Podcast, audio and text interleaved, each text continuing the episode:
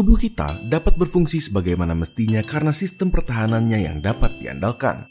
Yap, betul sekali.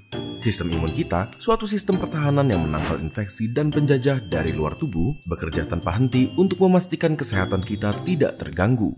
Tanpa mereka, nyawa kita akan selalu terancam di saat terpapar sesuatu yang asing. Tapi, apakah kalian tahu apa saja sel darah putih atau leukosit yang merupakan bagian dari sistem tersebut?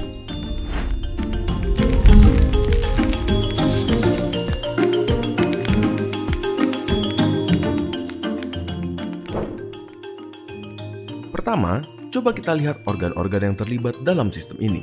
Terdapat delapan yang akan kita bahas, yaitu adenoid, pembuluh darah, sumsum -sum tulang, kelenjar getah bening, pembuluh limfa, limfa, timus, dan amandel. Adenoid, suatu kelenjar yang berlokasi di bagian atas di dalam mulut kita, yang bertanggung jawab dalam memproduksi sel darah putih atau antibodi yang akan mengecil seiring waktu dan menghilang di saat kita sudah dewasa. Sama dengan timus, yang bertanggung jawab dalam memproduksi dan pematangan sel-sel imun yang juga menghilang setelah pubertas. Berikutnya, sumsum -sum tulang, suatu jaringan yang ditemukan di rongga-rongga tulang yang memproduksi antibodi. Lalu, ada kelenjar getah bening, suatu organ yang terletak di beberapa lokasi di seluruh tubuh, seperti ketiak, supra dan infraklavikula, dan lain-lainnya. Organ ini membantu menyaring suatu cairan yang disebut getah bening yang berisi sel darah putih. Mereka saling terhubung oleh pembuluh limfa, lalu ada yang namanya limfa, tempat di mana sel darah putih tersimpan. Ada juga yang namanya amandel yang bertugas menjebak kuman yang kadang kita hirup dan mengeluarkan antibodi untuk melawan kuman-kuman tersebut. Sedangkan untuk pembuluh darah, yap, sesuai tebakan kalian, dia berfungsi sebagai jalur untuk sel darah putih berkeliling ke seluruh tubuh. Setelah mengetahui organ yang terlibat dalam sistem imun kita, coba kita lihat macam-macam selnya. Sel-sel darah putih ini dibagi menjadi dua grup yaitu granulosit dan agranulosit. Pertama, untuk kelompok granulosit, terdapat basofil yang akan aktif pada reaksi alergi. Di saat terinfeksi, sel ini akan mengeluarkan suatu zat kimia bernama histamin, suatu marker untuk reaksi alergi. Histamin juga membantu dalam vasodilatasi agar pembuluh darah dapat berdilatasi dan memudahkan sel darah putih keluar dari pembuluh untuk membantu melawan infeksi. Selanjutnya ada eosinofil yang terlibat dalam kekebalan terhadap parasit.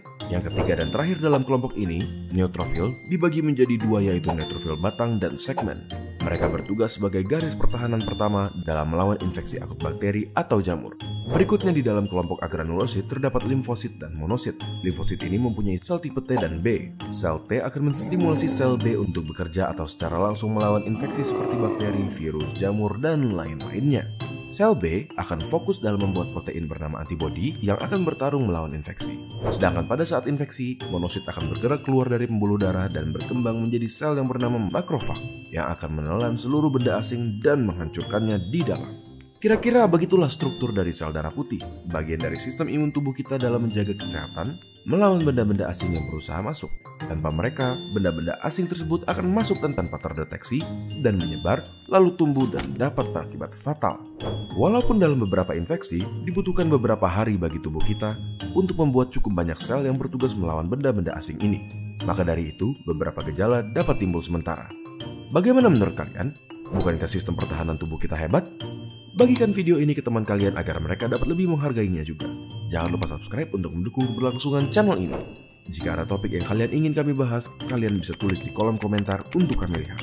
Terima kasih dan sampai ketemu di video berikutnya.